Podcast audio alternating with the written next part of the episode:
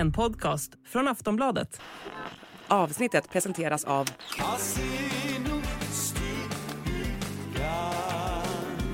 Stödlinjen.se, åldersgräns 18 år.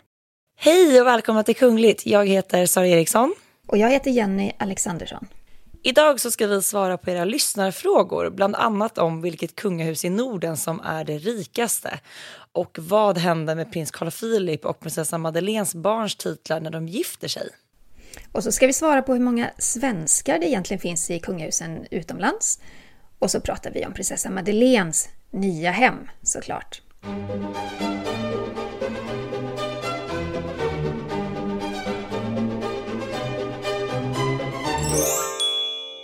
Så välkomna till det här frågeavsnittet. Vi kör igång direkt tycker jag. Vi har fått en fråga ifrån Karina. Hej! Jag läste någonstans att Harrys visum i USA har blivit ifrågasatt. Vad handlar det om och vad betyder det? Kommer han behöva flytta tillbaka till Storbritannien? Ja, men där handlar det om att i slutet av juni så krävde den Washingtonbaserade tankesmedjan Heritage Foundation att uppgifterna gällande Harrys eh, visum ska släppas av USAs departement för inrikes, säker inrikes säkerhet, eh, förkortning DHS. Och de hävdar ju då att visumet ska offentliggöras enligt Freedom of Information Act och att amerikanska medborgare har rätt att få informationen från myndigheter. Och anledningen till detta är ju att prins Harry, han har ju erkänt att han testat och använt olika droger, eh, bland annat kokain och svampar och det här skriver han ju faktiskt om i sin bok Despair. Och om man i sin visumansökan erkänner då att man använt eller använder eller har använt droger, då får man nästan alltid avslag. Så att det de vill göra det är att ta reda på om Harry då ljugit i sin ansökan och ändå fått den godkänd. Eller eh, ifall han har fått en gräddfil in i landet. Och eh, det här kan ju då leda till att visumet prövas igen. Eh, så att eh, det, det är egentligen allt det här handlar om. Men DOS fattade beslutet att inte offentliggöra prinsens visum, men eh, eh, Heritage Foundation är kritiska och meddelar att de kommer att överklaga det här beslutet. Eh, Harrys visum kan ju alltså vara ett olagligt visum och det vill man ju inte ha, eller hur Jenny? Nej, det vill man ju verkligen inte ha. Eh, vi fortsätter med en fråga ifrån Sandra som skriver så här. Delar det brittiska kungahuset fortfarande ut titlar som Viscount, Lord, Baron och så vidare? Ja, men det händer. Till exempel så fick ju medlemmar av kungafamiljen nya titlar när drottning Elizabeth dog och det kom en ny kung, kung Charles av Storbritannien. Eh, Viscount är till exempel en son till en Earl och eh, prins Edward hade ju tidigare titeln Earl och då blev hans son då James Viscount. Nu är ju Edward hertig av Edinburgh. Och det är också en titel som kan delas ut såklart. Eh, titeln Baron är gammal och gavs av regenter till personer som tilldelades mark och samlade in skatt till monarken helt enkelt. Vi har fått en fråga ifrån Sofia. Ni pratar ofta om att både prins William och kronprinsessan Victoria fick vänta länge på att få gifta sig trots att de ja, men länge varit i sina respektive relationer. Varför behövde de vänta så länge? Skulle något ytterligare godkännas eller liknande? Tack för en bra podd. Önskar ni släppte fler varje vecka. Tack Sofia! Tack Sofia! Nej men här får vi väl eh, svara vad vi tror helt enkelt och det här, jag tror mycket att det handlar om att eh, just det här förbereda sig in i den här stora rollen som det ändå innebär att gifta sig in i ett kungahus. Eh, särskilt då med prins William och kronprinsessan Victoria som är liksom framtida regenter för respektive land. Eh, ja, men man pratar ju, dels har ju de själva gått i så kallade ja, men, drottningsskolor och så vidare och det är klart att deras respektive också måste förberedas på massa olika sätt för att äntra den rollen som det faktiskt innebär med ett giftermål. Sen har ju både Daniel och Victoria sagt det, att de är ganska tacksamma för de här sju åren som de fick vänta. För det gjorde ju också att Daniel han kunde förverkliga de drömmar han hade om sina företag. Han kunde väldigt sakta och tryggt gå in i den här rollen. Sen tror jag också att det handlar om att det är klart att kungen och drottningen, de välkomnade ju Daniel med en gång in i familjen, men det är klart de ville se också så här, pallar han rollen? Eh, det är ju, handlar ju om att stötta sin fru i alla avseenden och gå ett par steg bakom. Men det har han ju verkligen visat att det har han ju inga problem med. Och han har ju skapat en egen kunglig plattform med, med sina hjärtefrågor som ja, men, barn och rörelse och, och idrott och, och entreprenörskap. Så det har ju gått väldigt bra. Vi har fått en fråga från Lotta som undrar vad man bör tänka på ifall att man får möjlighet att hälsa på en kunglighet. Hon undrar om hon ska niga och hur mycket och hur tilltalar man dem? Ers Majestät eller kungen, drottningen och så vidare. Ja, här skulle jag vilja säga att det handlar väldigt mycket om artighet och sunt förnuft. Men, men ska man vara helt korrekt så, så säger man ju Ers Majestät första gången man träffar kungen. Och sen kan man ju fortsätta med bara kungen. Eh, är det mer informellt sammanhang, jag menar han skulle inte bli arg ifall man i ett småprat bara säger kungen. Eh, det är ingen som blir sur för det helt enkelt. Men, och det här med niga, det gör man ju faktiskt inte på samma sätt i Sverige längre. Man gör det i vissa andra kungahus, men, men inte här. Därför att när kungen blev kung på 70-talet, då tog han faktiskt bort de här hovnigningarna. Ni vet de här väldigt djupa nigningarna man sätter fram. Damerna sätter fram det ena benet, böjer det andra, nästan ner till marken. Eh, kungen tyckte att det var ganska gammalmodigt och kanske inte alltid så lyckat för äldre damer som har lite ont i knäna och så vidare. När man pratar med kronprinsessan så, ja, då räcker det med att säga kronprinsessan. När man möter dem så, ja, ett handslag, det är det som funkar. Man behöver inte krusidulla det eh, särskilt mycket, helt enkelt. Sen är det ju många som också reagerar ifall någon reporter eller någon annan säger du till en kunglighet. Eh, ska man vara riktigt noga med, med etikett, ja, det, då ska man ju inte göra det. Men det är ingen som blir sur över det heller. Alltså vi lever 2023. Skulle någon råka säga du, jag har råkat säga du till kronprinsessan. Nej, det är ingen som blir irriterad.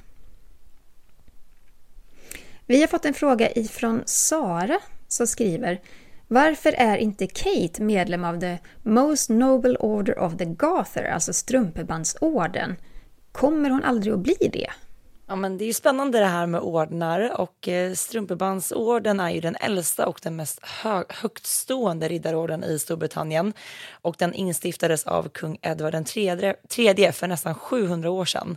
Och eh, orden in inkluderar kungen som är ledare över orden men även drottningen och flera medlemmar av den kungliga familjen. Eh, och sen är det ytterligare 18 personer, kvinnor och män, som får den som eh, ett erkännande för sina insatser i arbetslivet eller liknande. Och riddare av Strumpebandsorden väljs personligen av kungen för att ja, men hedra dem som har innehaft offentliga ämbeten eller som bidragit på ett särskilt sätt till nationen eller som, som tjänat kungen personligen. Och prins William är riddare av Strumpebandsorden och han utsågs 2008, 2008 och där och då så blev han faktiskt den tusende som fick ta emot den här orden. Och eh, det kommer ju säkert bli så att även Catherine får den så småningom. Eh, om inte förr så garanterat när hon blir drottning en dag. Och då får hon titeln Royal Lady of the Order of the Garter. Eh, och det är många som tycker att det är lite underligt att hon inte har fått den ännu faktiskt. Och eh, tidningen Express skrev en krönika den 19 juni eh, där de krävde, eller där hon, skribenten krävde att kung Charles skulle ge den till henne. Under sommaren så har det skrivits väldigt mycket om det i brittisk press efter eh, den här ceremonin, eh, Order of the Garter, den 19 juni i Windsor. Och då bar ju kungligheterna alltså, som är medlemmar av den här strumpebandsorden sina pampiga mantlar. Men Kate och även Sophie var ju klädda då i ja, men somrig finklänning. Och Kate är landets framtida drottning och det skrivs mycket om att Charles måste välja in henne för hon har ju en framträdande position inom det brittiska kungahuset. Drottning Camilla hon tilldelades orden i juni förra året och det var ju faktiskt innan Charles blev kung, så det var innan hon blev drottning också. Och prins Philip fick även han då den här orden innan Elisabeth var drottning. Så det är väl dags, kan man tycka. Ja, och eh, apropå frågan om, frågan om ordnar så fick vi faktiskt en annan fråga ifrån Michelle som man kan slå ihop lite med den här för att hon hade skrivit in till oss och undrar ifall att Meghan tilldelats den här orden och det har hon ju inte gjort. Eh, vi har fått en fråga från Margareta som skriver så här. Hur ser ni på framtidens kungahus? Tror ni att de kommer att avvecklas? Oj, det här är ju en svår fråga. Om man tittar på statistik och siffror så är det ju så, om man tar till exempel Sverige så ligger ju och har stödet för kungahuset och förtroendet för kungahuset legat ganska stabilt på 70 procent. Har det hänt något skandalartat, ja då ser man ju att siffrorna dyker lite grann. Men på långa loppet då så, så är ju stödet ganska eh, stabilt för kungahuset och monarkin som statsskick. Eh, men det är klart att eh, man kan se eh, här i Sverige så finns det också starka röster som är emot en monarki.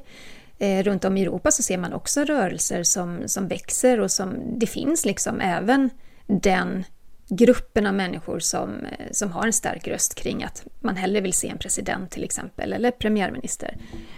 Men ja, jag kommer ihåg att Herman Lindqvist skrev ju för, för ett tag sedan att han trodde att Estelle skulle bli den sista drottningen av, av Sverige.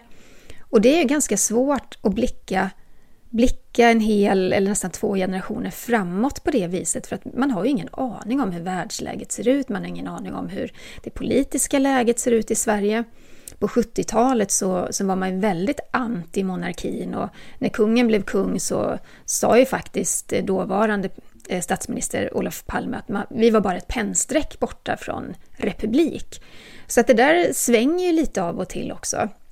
Sen ser man vid stora positiva kungliga händelser att eh, stödet ökar när det föds barn, när det är bröllop och förlovningar och sådär. Men på det hela taget, jag tror att vi får säga omöjligt att svara på just den frågan. Vad tänker du Sara kring det? Nej, men jag håller ju med dig i allting som du säger. Eh, om man ska titta liksom, till exempel bortom, bortom Sverige så ser vi ju inte minst nu i Storbritannien efter drottning Elizabeths död hur klimatet faktiskt har ändrats ganska så mycket.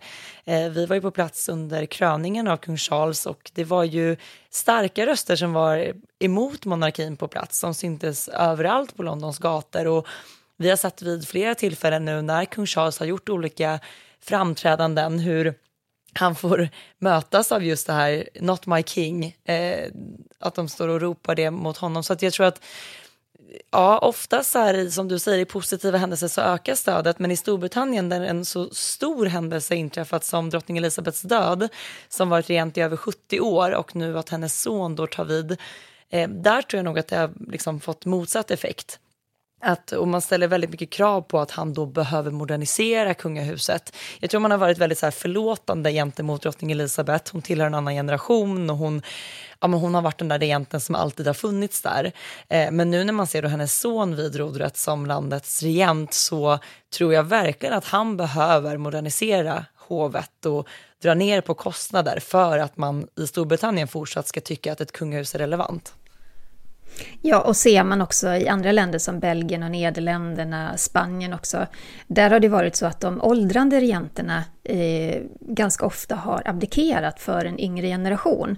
Och eh, senaste åren så har det handlat mycket om skandaler. Eh, spanska Juan Carlos till exempel, eh, där handlar det mycket om eh, att han tagit emot pengar på ett olagligt sätt. Eh, och det har handlat om eh, i Belgien att den äldre monarken då det visade sig att han hade utomäktenskaplig, ett utomäktenskapligt barn och det var en stor skandal kring det. Och då har man ju sett det som nödlösning. Ja, men då abdikerar jag. Den nya generationen får ta över just för att rädda monarkin som statsskick. Så ja, vi får väl se vad som händer i de olika kungahusen. Ja, verkligen. Eh, här har vi fått en eh, fråga från Kristin och den är ju verkligen your cup of tea, Sara. eh, ni har tidigare pratat om smycken som kommit till Sverige via arv och giftermål. Vilka diadem kom till Sverige från Storbritannien med kronprinsessa Margareta? Och sen undrar jag vilka diadem kronprinsessan Victoria ärvde efter Lilian? Åh, vilken spännande fråga. Jag tycker alltid det är så intressant när man tittar tillbaka i historien för att se hur smyckena faktiskt har kommit till Sverige. Eh, kronprinsessa Margareta hon tog med sig sju diadem till Sverige och för att vi ska man ska kunna få en bild i huvudet vilka det här är så är det bland annat vad vi kallar för prinsessan Sibyllas diadem, eh, det vi kallar för prinsessan Lilians diadem, eh, det här omtalade rubindiademet kom till Sverige med henne och sen det som vi kallar för akvamarindiademet. Det är de som fortfarande finns kvar i det svenska smyckeskrinet. Eh, det finns även, eller hon tog också med sig tre andra diadem, men de ärvdes vidare via prinsessan Ingrid och senare drottning Ingrid av Danmark. Och två av diademen är idag i drottning Margretes ägo och ett ägs av hennes syster Anna Maria av Grekland. Och så var det en fråga där också gällande vilka smycken Victoria ärvde efter Lilian. Och eh, det är då vad vi kallar för prinsessan Liljans diadem som hon bland annat ärvde. Eh, det var ju först ett mindre halsband som sedan adderas med flera stenar för att få till den här höjden när det bärs som ett diadem. Och kronprinsessan ärvde även en brosch som hon, eh, ja, men hon bar den bland annat vid förlovningen när de offentliggjorde den tillsammans med prins, prins Daniel. Och visst är det så att kronprinsessan har burit det här diademet, prinsessan Liljans diadem, även som halsband? Ja, precis. Eh, och det är faktiskt, jag tycker kanske det gör sig lite bättre som diadem i och med att det ändå är ganska så högt. Det blir ett väldigt djupt halsband när man bär det. Men kronprinsessan har burit det vid flera olika tillfällen och det blir ju ett väldigt mäktigt och pampigt halsmycke. Eh, men det är fint att vi ser det och jag tycker vi ser det relativt ofta på kronprinsessan Victoria.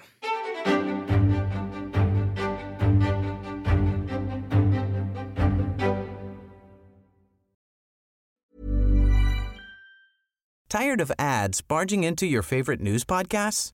Good news. Ad-free listening is available on Amazon Music for all the music plus top podcasts included with your Prime membership. Stay up to date on everything newsworthy by downloading the Amazon Music app for free or go to amazon.com slash news ad free. That's amazon.com slash news ad free to catch up on the latest episodes without the ads. Vi ska svara på en fråga ifrån signatur L som skriver så här. Förlorar prins Carl Philip och prinsessa Madeleines barn sina titlar om de gifter sig? Det är ju en jättespännande fråga. Så är det nämligen i Danmark. Där fick vi veta att eh, till exempel prins Joakims barn skulle ha förlorat sina titlar den dag som de gifte sig. Men så beslutade drottning Margrethe att de här titlarna prins och prinsessa skulle tas bort nu redan vid årsskiftet. Och det var ju ganska mycket debacle kring det och ja, men lite, lite bråk kan man säga via medierna. Hur som helst, idag är barnen greve och grevinna istället efter sin farfar prins Henrik som ju var greve av Montpessat. Men om det är så i Sverige med den generationens barn Troligtvis inte. Det är ingenting som man har kommunicerat av hovet i alla fall. Här har det ju mer varit så att är man född prins eller prinsessa så är man det för livet. Om man inte gifte sig med någon som inte var kunglig eller adlig. Och nu pratar vi flera generationer tillbaka. För på det viset förlorade ju kungens släktingar Karl Johan, Sigvard och Lennart sina prinstitlar. Och det var ju så att Gustav V godkände ju inte deras giftermål. Och då blev de av med sina titlar, sitt apanage och eh, den här kungliga statusen. Och de fick ju istället lite senare titlarna greve av Visborg och det är en luxemburgsk titel, en ärftlig sådan. Och det handlar om att eh, 1951 så bad ju Gustav VI Adolf storhertiginnan Charlotte av Luxemburg att utnämna Sigvard, Karl Johan och Lennart till grevar av Visborg. Och eh, hon gick med på det. Man la fram det här erbjudandet och eh, alla tre tackade ja. Så de fick ju de här titlarna den 2 juli samma år. Men det är ju också så här att idag, idag är det ju så att självklart så godkänner ju kungen giftermål med någon som inte är kunglig eller adlig. Det har vi ju sett hos alla tre, Victoria, Carl Philip och, och Madeleine. Så det är ju inte längre något problem. Och inte heller regeringen sätter sig emot att de gifter sig med någon som inte är kunglig adlig. Så själva det sättet att förlora sin prins eller prinsesstitel, det finns ju inte längre, det existerar ju inte. Det är väldigt spännande det här med titlar, eh, särskilt nu med tanke på hur mycket vi har pratat om det senaste året, där i och med situationen i Danmark, att det kan röra upp en hel del känslor. Ja, men du, då fortsätter vi med Danmark, Sara, för att vi har fått en fråga från Louise. Hon skriver så här. Hej och tack för en bra podd. Tack själv, Louise. Tack. Jag lyssnar varje vecka. Min fråga gäller danska kungahuset och prins Joakim. Ett tag skrevs det mycket om honom som en slarver. Han slösade pengar, han ville belåna sin stora gård och sen så skulle han plötsligt sälja den.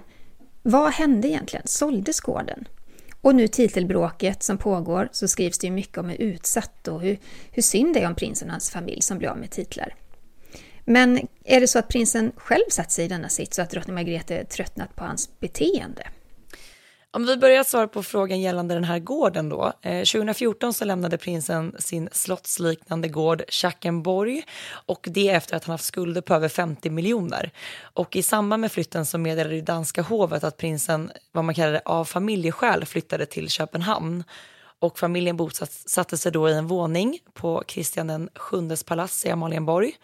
Eh, så vad hände då med den här, det här Schackenborg? Eh, det såldes och blev en fond. Det blev en fond som tog över slottet där några av Danmarks allra rikaste familjer, bland annat då ägarna till Echo och Lego, sköt in 140 miljoner. Och Joakim skulle sedan betala tillbaka de här 16 miljonerna som han och hans första fru, grevinnan Alexandra, fick i folkets gåva när de gifte sig 1995. Och i samband med flytten så gjorde ju prins Joakim ett uttalande där han sa så här, citat. Prinsessa Marie och jag själv är glada över den här lösningen vi kommer fram till med att det stiftats en fond. Det har varit ett mycket svårt beslut att avhända sig Schackenborg, men jag är övertygad om att vi med denna lösning säkrar Schackenborgs framtid på bästa möjliga sätt. Slutcitat. Jag har ju varit vid eh, Schackenborg. Jag var med på bröllopet när eh, prins Joakim gifte sig med eh, Marie. Jätte Jättegulligt fint bröllop. Väldigt kungligt men ändå i den här lilla ortens kyrka. Så att det var också väldigt familjärt. Eh, och då var man väldigt glad att eh, Marie och Joakim skulle bosätta sig på Schackenborg och, och driva gården på alla sätt och vis. Men det gick ju, gick ju inte så bra helt enkelt. Nej. Men sen, vad tror du liksom det här med familjesituationen och kan det vara så att han har satt sig själv i den här sitsen och att Margrethe lite grann tröttnat på hans beteende? Men det är ju såklart jättesvårt att, att svara på i och med att man inte riktigt har insyn i vad som sägs alla gånger bakom slottets väggar. Men man har ju i och med titelbråket och ja, men dels prins Joakims utspel i media men även andra medlemmar av kungafamiljen så har man ju absolut fått känslan av att det skapats någon form av spricka inom familjen och att det som man kanske från början trodde var prins Joakims egna beslut att flytta till Paris då från början har ju faktiskt visat sig vara lite mer av en vad ska man säga, ett val eller en önskan ifrån drottning Margretes sida och att på så sätt liksom lägga större fokus vid kronprinsfamiljen och och de som står närmare kronan helt enkelt. Så att kanske att det har framkommit lite mer att, att det kanske har skett lite bortom hans egna vilja. Sen om det nu har bidragit till att de väljer att flytta till Washington eller inte, det tycker jag är svårt att svara på. Men det är ju uppenbarligen så att att Joakim och hans familj kommer allt längre ifrån kungafamiljen i alla fall. Sen om det beror på hur han har eh, tillhandahållit sin ekonomi eller inte, det är svårt att svara på. Men fokus är tydligt att det ska ligga på kronprinsfamiljen.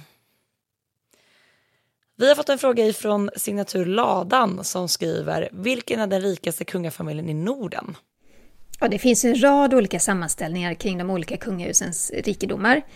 Men om man ska ta en ganska nyligen gjord sammanställning som Svenska Dagbladet gjorde 2021 så är det faktiskt det svenska kungahuset som leder av de europeiska kungahusen på listan så ligger det svenska på sjunde plats med en uppskattad förmögenhet på 587 miljoner kronor. Därefter följer Danmark på 335 miljoner och Norge med 250 miljoner. Men man kan nog anta att de här siffrorna som anges är verkligen i underkant, för det finns stora börsvärden, fastighetsvärden och ja, men allt ifrån juveler och arv som spelar in. Och man har ju faktiskt pratat allt mer om att det handlar om miljardbelopp kring de här eh, kungahusen. Det är så många dolda eh, förmögenheter som man inte har koll på. Och, eh, men, men det verkar som att det svenska då ligger av de nordiska på första plats i alla fall. Vi har fått en fråga ifrån Thomas som skriver när prins Philip levde så hade, hade både han och prins William röda uniformsjackor och dåvarande prins Charles, nuvarande kung Charles och prins Harry svarta. Vad betyder dessa jackor och varför var det uppdelat just som det var? Ja, vilken uniform kungligheterna bär det beror på vilket regemente de tillhör. Eh, prins Philip han bar ju olika uniformer under sin tid. Han hade ju en lång och framstående militär karriär som hade anknytning till flera enheter. Eh, Royal Navy med mörkblå uniform, Household Division med den röda och Household Division det är ju en samling av brittiska arméregementen. Eh, Royal Air Force som var mörkblå den också. Men vi såg ju oftast prins Philip i den röda uniformen som tillhör då House, Household Division. Och de här regementena som ingår där, de är bland annat ansvariga för att skydda monarken och delta i ceremoniella tillfällen, som till exempel Trooping the Color. Och den röda färgen den är verkligen ett historiskt kännetecken för armén. Den är starkt förknippad med Household Division och vi har ju alla sett de här eh, pampiga militärerna, de här björnmössorna som är enormt stora. Eh, det är väldigt effektfullt. Och detsamma gäller för prins William som också han ofta bär den här röda uniformen. Och han tillhör ju också flera regementen. För en tid sedan så blev han hedersöverste. Alltså det är ju det är inte så att han är en överste, det är liksom en hederstitel för det walesiska gardet. Honorary Colonel of the Welsh Guards. Och på prinsens krage så har den tidigare symbolen med klöver som står för Irland bytts ut mot en purjolök som är Welsh Guards emblem. Och det här pratar vi mycket om, sa den här purjolöken. Som ändå ser lite, den är lite gullig liksom på kragen. Men eh, ja, jag hade nog gillat klöven bättre faktiskt. Ja, det var, det var lite mer kunglig glans över klöven än purjolöken, det får man väl lov att säga. Ja, prins Harry då, han har ju inte kvar några eh, kungliga militära hederstitlar längre efter att han lämnade kungahuset. Men den marinblå uniform från Blues and Royals är den som han har burit oftast. Och eh, kung Charles har även han flera militära utnämningar. Han har ju också burit den röda uniformen från Household Division. Men eh, den här svarta, eller ja, marinblå då, uniformen från Royal, Navy är också någonting som han har burit ofta. Vi har fått en fråga från Jenny. Hur många svenskar finns det i kungahusen utomlands? Och det här är ju en, en spännande fråga och eh, det finns totalt fyra stycken. Eh, vad vi vet? Vi, eller vad, vad vi vet, precis ja. vad vi vet, men som vi kan komma på här och nu i alla ja. fall. Mm. Eh, och bland annat så är det Margareta Lind som föddes i Arboga och växte upp i Södertälje. Hon träffade ju prins Rad av Jordanien i London när de båda pluggade på Cambridge. Och sommaren 1963 så gifte de sig, först borgerligt i Sverige och sedan i ett palats i Amman. Och då blev ju Margareta prinsessan Maida och medlem av den jordanska kungafamiljen. Och tillsammans har de fyra söner och en dotter. Och Majda har jobbat och eh, jobbar med stiftelsen Al Hussein Society som hon har grundat och eh, som idag har en egen skola och ett stort träningscenter för barn och ungdomar med fysisk funktionsnedsättning. Och sen har vi Louise Johansson gifte sig med malaysiske kronprinsen Tengku Mohammed Faiz Petra 2019. Och Louise som är från Mantorp utanför Linköping träffade kronprinsen när de båda bodde i London. Louise gick barn och fritidsprogrammet på gymnasiet men flyttade till London för att jobba. Kronprinsen har bland annat studerat historia i London och italienska och litteratur i Florens. Och han har också doktorerat i antikens historia. Och det här paret gifte sig 2019. Det var otroligt pampigt. Kommer du ihåg bilderna från det, Sara? Ja, det var ju, verkligen. Det var tjusigt. Ja. Och i mars så delade Louise nyheten på Instagram att paret väntar sitt första barn. Och Louise hon delar faktiskt ganska mycket av sitt liv på Instagram. Och om man vill följa henne där så heter hon eh, IJO understreck. Och sen har vi prinsessan Karina som är gift med prins Gustav av Berleburg i Tyskland. Och hon hette ju tidigare Axelsson och har en eh, mexikansk mamma och en svensk pappa. Och Karina växte upp i Kalifornien nära bergen i Santa Cruz. Och eh, Karina och Gustav träffades genom gemensamma vänner i Paris där de sågs på en middag. Och paret var ju sambos i hela 19 år innan de gifte sig i juni förra året. Det var nämligen så att Gustavs farfar skrev ett testamente 1939 och som dikterade att den som skulle ärva slottet bara fick gifta sig med en kvinna som var protestant, blåblodig och arisk. Och Karina är inte något av det. Hon är katolik, har en annan härkomst och är inte ett dugg blåblodig. Så att de fick vänta länge på att få gifta sig. Men nu är han gifta och de har ju fått ett barn också. Ja, precis. Eh, Annifrid Lyngstad, som är en del av ABBA, heter ju numera prinsessan Annifrid Royce, grevinna av Plauen. Och det fick hon genom giftermålet, alltså det namnet fick hon genom giftermålet med prins Heinrich Russo Royce, greve av Plauen, eh, 1992. Han gick på Lundsberg tillsammans med vår svenska kung och de har varit vänner sedan dess. Och det blev också så att Annifrid kom att bli en nära vän till drottning Silvia. Under 90-talet så bodde Annifrid och hennes man på lyxiga Hilleshög gård strax utanför skånska Landskrona. Och det här äktenskapet det varade i sju år, men 1999 så blev Annifrid änka efter att Heinrich drabbades av cancer. Och numera är Annifrid sambo med Henry Smith som är greve av Hambledon. Och Annifrid och greven de bor då växelvis på Mallorca och i Schweiz. Eh, en fråga ifrån Karin som låter så här. Eh, var kommer prinsessa Madeleine med familj att bo när de flyttar till Sverige? Som det ser ut nu så kommer familjen att flytta in i prinsessa Madeleines lägenhet på Hovstallet i Stockholm. Prinsessa Madeleine har haft en lägenhet där sedan 2004, den var lite mindre. 2014 så flyttade hon och Chris in i en femrummare istället i Hovstallet. 2018 till 2019 så slogs lägenheten ihop då med grannlägenheten och idag är det en sjurummare, en riktig paradvåning med andra, eh, andra, med andra ord. Eh, den är på över 400 kvadratmeter så det finns ju gott om plats kan man säga. Sen har det ju spekulerats i ifall Madeleine har ögonen på eh, ett hus. Hon har ju bott i hus i många, många år när hon bott utomlands. Hon lämnade ju det här, den här eh, lyxiga villan i Florida med både pool och lummig trädgård för att då flytta in i en lägenhet. Eh, vi får väl se hur de väljer att göra helt enkelt. Vi har fått en fråga från en anonym här. Hej, jag tycker det är spännande med kungafamiljens smycken men undrar varför man sällan ser svenska kungligheterna bära rubindiademet. Och det här är ju en spännande fråga, tycker jag såklart. Eh, det vackra rubindiademet så ser vi ju tyvärr väldigt sällan och när vi väl ser det så bärs det av drottning Silvia. Eh, Diademet kom ju som vi pratade om tidigare här i podden från brittiska kronprinsessan Margareta.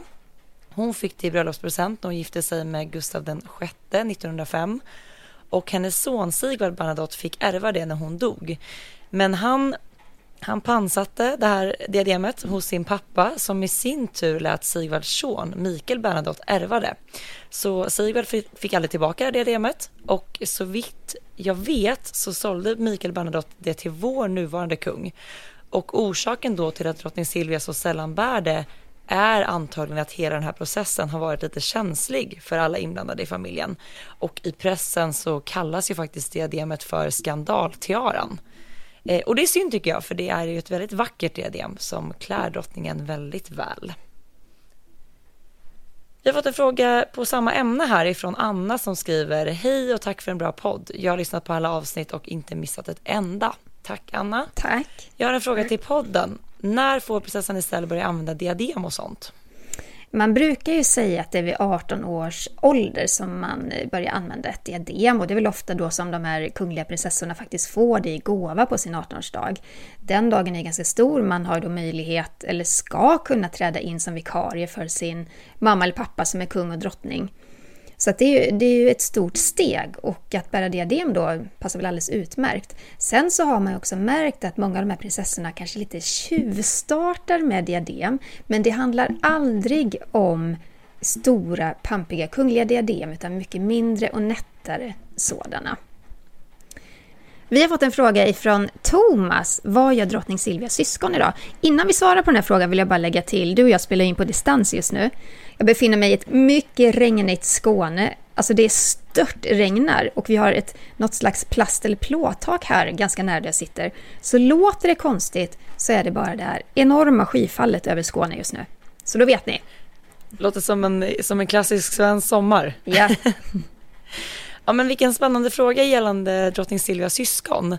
Eh, Jörg Sommerlath han levde ju i Tyskland och var gift med Simone och och eh, hade döttrarna Helena och Vivian och han avled i strupcancer 2006 och drottningen fanns vid hans sida på sjukhuset i Arsen när han somnade in. Och Jörg stod ju drottningen nära, de var närmast i ålder. Och Jörg utbildade sig till ingenjör och hade sedan 1980 anställning på brasilianska ambassadens hand handelsavdelning i Berlin. Och han gifte sig ganska så sent i livet, vid 43 års ålder. Eh, prinsessorna Victoria och Madeleine, de var brudnäbbar vid bröllopet. Och när han och hustrun Simone fick sin för, sitt första barn där så blev drottning Silvia gudmor. Mm. Eh, då ska jag berätta om bror nummer två, för drottning Silvia hon har ju tre bröder. Eh, Walter Sommerlath han var näst äldst av drottningens tre bröder och han bodde under ganska många år i Paris och sen i italienska Siena. Och när han fick beskedet att han var svårt sjuk, då togs beslutet att han skulle få tillbringa sina, ja, men sin sista tid nära sin familj på Drottningholm utanför Stockholm. Så han flyttade till Sverige. Han flyttade in i den nedre sjöflygen vid Drottningholms slott i början av sommaren 2020. Och i sjöflygen, där bor också Walters son Patrik med sina tonåriga tvillingflickor Anne och Chloé. I huset finns alltså två lägenheter varav Walter då fick den ena. Och han avled på Karolinska Universitetssjukhuset i Huddinge den 23 oktober och då hade han varit sjuk en tid. Han hade drabbats av Alzheimers och eh, det hade ju även drottning Silvias mamma Alice eh, innan hon dog. Men Walter han blev 86 år gammal och eh, kungafamiljen skickade ut ett pressmeddelande i samband med hans död. Och då skrev man att jag och min familj känner stor sorg och saknad efter min bror Walter. Och det var ju då drottningen som stod som avsändare för det. Och som sagt, eh, Walter Sommerlath han hade två barn. Eh, Patrik och Sofie Sommerlath. Sofie bor i Kalifornien. Och Patrik han kom då till Sverige som men, ganska vilsen 16-åring i samband med att föräldrarna hade skilt sig 1987. Eh, Walter han var ju då omgift sen. Och Patrik han ville ju få en eh, trygg bas hos sin faster Silvia och det fick han också. Och det blev ju så att han tillbringade ju sina ton, alltså hela sin tonår på Drottningholms slott så att han blev ju lite som ett extra syskon till eh, kungabarnen helt enkelt. Ja, och sen drottningens tredje bror heter Ralf Sommerlath och han är ju äldst i syskonskaran.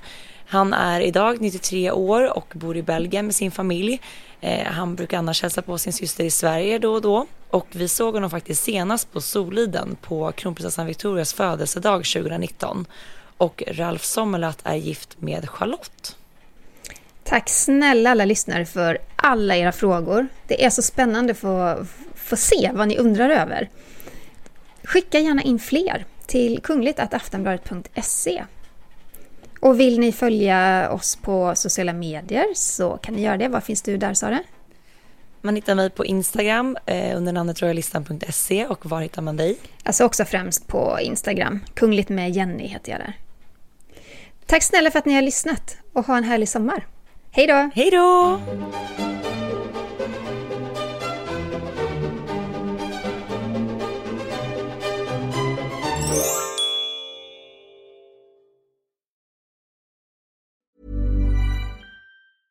Tired of ads barging into your favorite news podcasts? Good news. Ad-free listening is available on Amazon Music for all the music plus top podcasts included with your Prime membership. Stay up to date on everything newsworthy by downloading the Amazon Music app for free or go to amazon.com slash news ad free. That's amazon.com slash news ad free to catch up on the latest episodes without the ads. Du har lyssnat på en podcast från Aftonbladet. Ansvarig utgivare är Lena K Samuelsson.